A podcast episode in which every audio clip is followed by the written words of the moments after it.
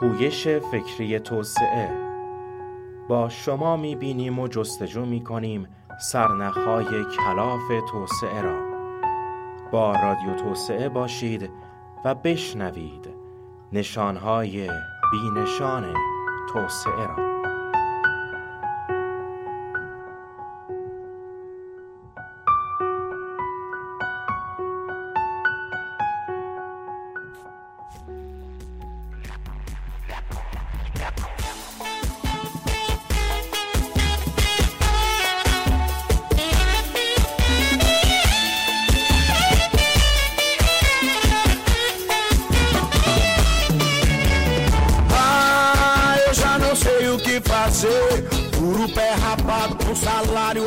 Atrasado. Ah, eu nunca mais vou onde correr. Já fui despejado, banco levou meu carro. فرهنگ حاکم بر مردم متأثر از عوامل مختلف اجتماعی است. این عوامل می توانند باورها، نگرشها و عملکردها را تحت تاثیر خود قرار دهند. یکی از این عوامل ورزش است. ورزش از معدود عرصه است که سلامت جسم و سلامت روان جامعه را با هم به ارمغان می آورد. و توسعه یک جامعه در گروه بالا رفتن این دو شاخص است.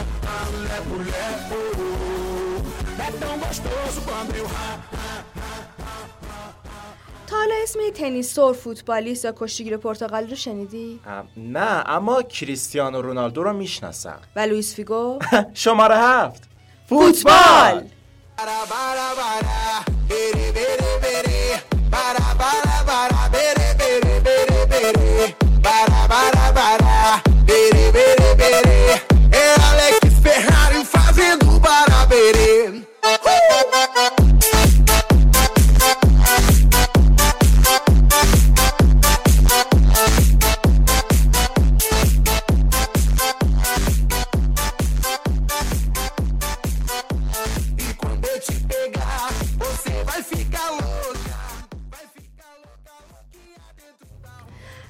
پرتغال دیوانه فوتبال هستند و این ورزش تمام زندگی آنهاست. در یکی از ضعیفترین کشورهای اروپا از نظر اقتصادی فوتبال آینده هیجان انگیز برای نوجوانان است به خصوص خانواده های محروم و تنگ دست که شاید تنها راه کودکانشان برای رسیدن به شهرت و موفقیت فوتبال بازی کردن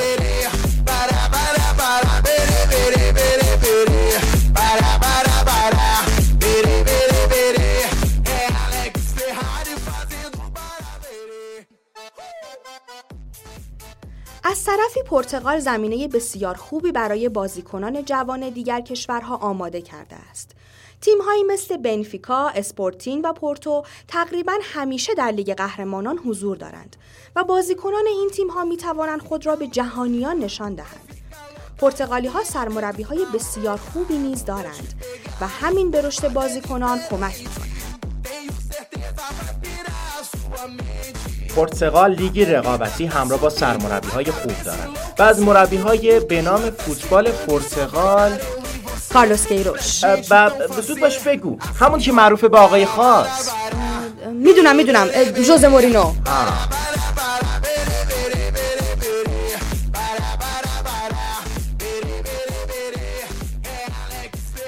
شاید از بازیکنان برزیل یا آفریقای جنوبی مشکل اقلیمی برای سفر به پرتغال داشته باشد اما مهمان نوازی پرتغالی ها فرهنگ و زبان مشترکشان با برزیلی ها دشواری ها را برای بازیکنان جوان آسان می کند.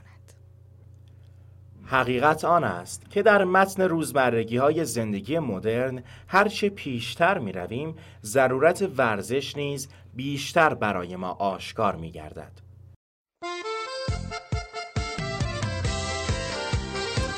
انسان سالم، جامعه سالم و زندگی سالم هدف توسعه پایدار است.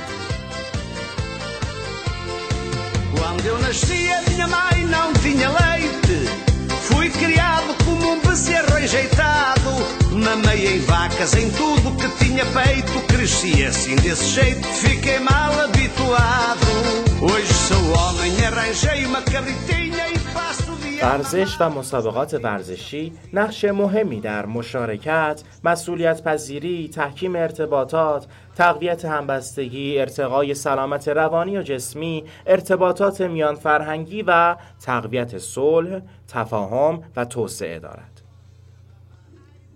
فعالیت های ورزشی نمودی از سازمان اجتماعی هند و به عنوان یکی از عوامل مؤثر در شکلگیری سیاست ها و مناسبات داخلی و خارجی می توانند کارکردهای متعدد اجتماعی، فرهنگی و ارتباطی داشته باشند.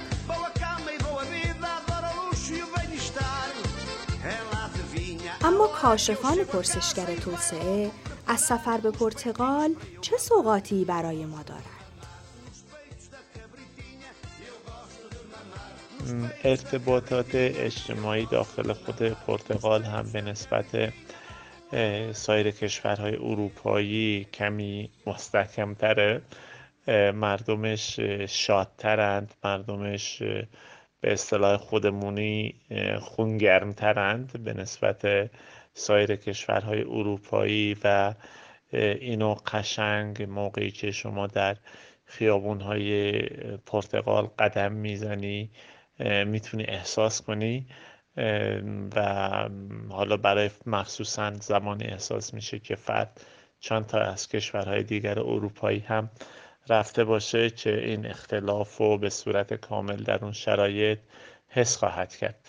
از لحاظ اقتصادی خب کشوری به نسبت با درآمد سرانه پایین تر نسبت به سایر کشورها هست.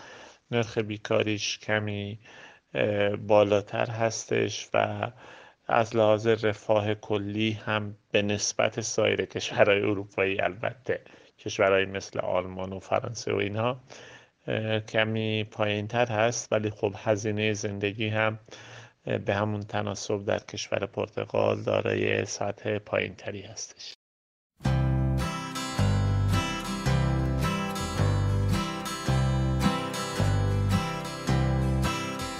Não há estrelas no céu a adorar o meu caminho. Por mais amigos que tenha, sinto-me sempre sozinho. De que vale ter a chave de casa para entrar? Ter uma nota no bolso para cigarros e bilhar. A primavera da vida é bonita de viver. Tão depressa o sol brilha como a seguir está a chover. Para mim hoje é janeiro, está um frio de rachar. Parece que o mundo inteiro se uniu para me tramar. Passo horas no café sem saber para onde ir. Tudo à volta é tão feio, só me apetece fugir. Vejo uma noite ao espelho, corpo sempre a mudar. De manhã ouço o conselho que o velho tem para me dar. A primavera da vida é bonita de viver. صنایع عمده پرتغال عبارت است از ماهیگیری، شرابسازی و مصنوعات چوب و ساردین. کشتی های ماهیگیری آنان برای سید ماهی تا سواحل نیوفاندلند یکی از های کانادا و ایسلند پیش می روند و حد اکثر بهره برداری را از دریا به عمل می آورند.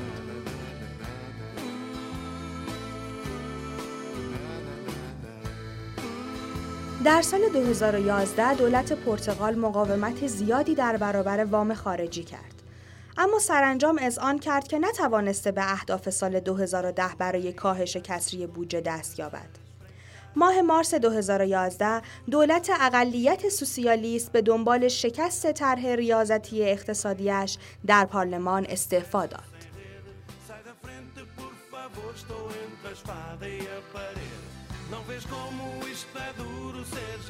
در حالی که های عمومی در اعتراض به طرح ریاضت اقتصادی دولت پرتغال رایجند اما پرتغال برای دریافت کمک های بین المللی برای پرداخت بدهی های خود ناچار است کسری بودجه خود را شدیداً کاهش دهد.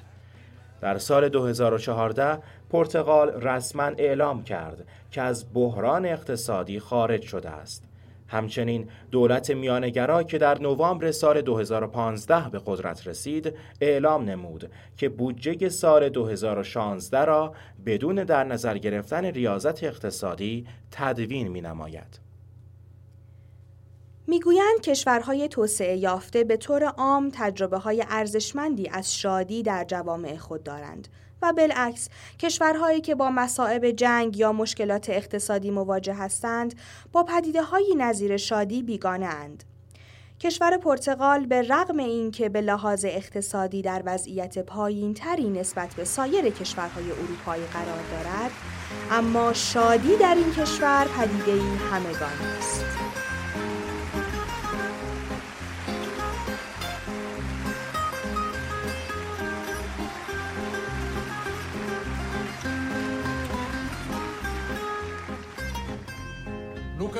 شادی به عنوان یک احساس با عمیقترین لایه های وجودی ما سر و کار دارد بنابراین شادی چیزی است که هر قوم یا هر گروه یا ملتی بر اساس تجربه تاریخی و نظام فکری و جهانشناسیش آن را به عنوان نوعی معنا در کلیت نظام معناوی خود میآفریند.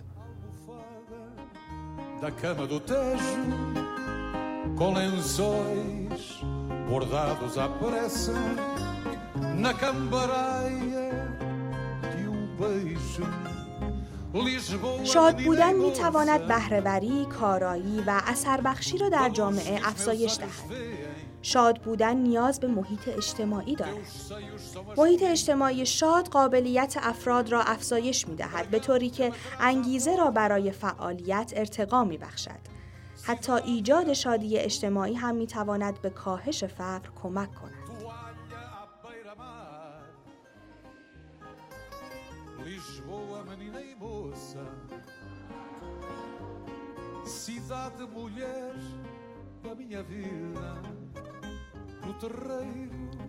گفتمان شادی شیوه سخن گفتن ما درباره شادی است اینکه ما شاد بودن را چگونه می‌بینیم چگونه می‌فهمیم و چگونه درباره آن سخن می‌گوییم یک گفتمان را شکل می‌دهد.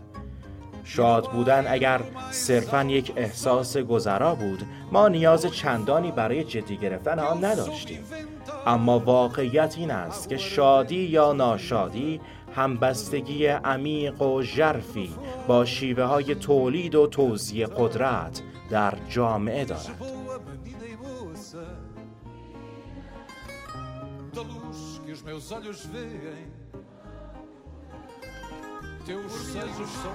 توسعه و شادی دو بال پرواز یک پرنده هستند و اوجگیری آنها شادابی و رشد را در جامعه به همراه دارد. پس هم سفر توسعه شاد باش تا اوج بگیری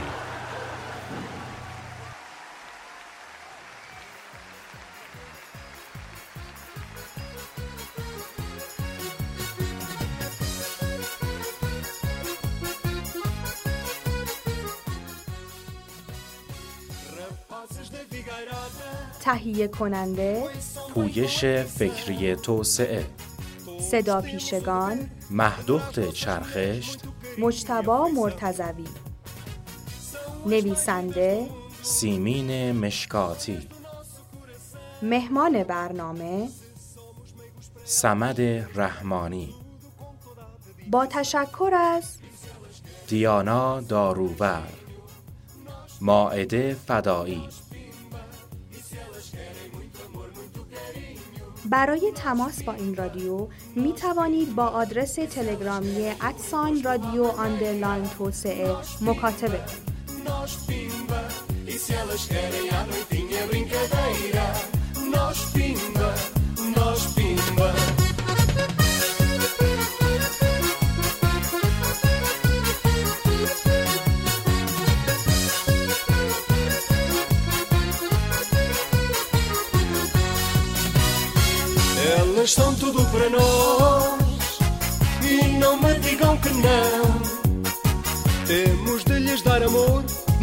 as deixar sós e consolar seu coração. Quando estão apaixonadas, são-nos muito dedicadas. Por isso, rapaziada, convém que elas sintam que por nós são muito amadas. E se elas querem um abraço ou um beijinho, nós pimba nós pimba. E se elas querem muito amor, muito carinho, elas querem um encosto à maneira, nós pimba, nós pimba. E se elas querem à noitinha brincadeira, nós pimba, nós pimba.